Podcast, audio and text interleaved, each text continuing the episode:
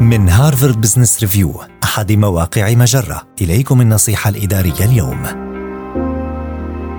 لا ترجع إلى روتينك القديم عند العودة إلى العمل من المكتب. إذا كنت تعمل في شركة يتم فيها تخفيف القيود التي فرضت بسبب الجائحة وستعود إلى العمل من المكتب، فقد يكون من المغري العودة إلى أساليب العمل المعتادة، ولكن هذه فرصة مثالية للتفكير في الطريقة التي تريد أن يعمل بها فريقك بشكل مختلف في المستقبل.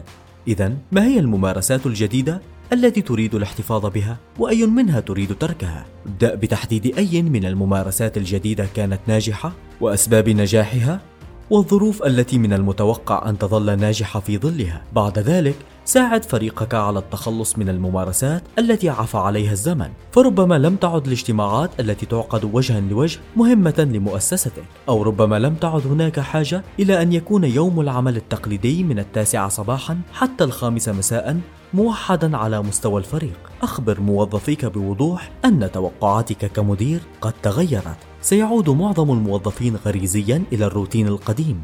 لذا عزز الممارسات والإجراءات الجديدة حتى تتحول إلى عادات. هذه النصيحة من مقال قاوم الروتين القديم عند العودة إلى مكاتب العمل.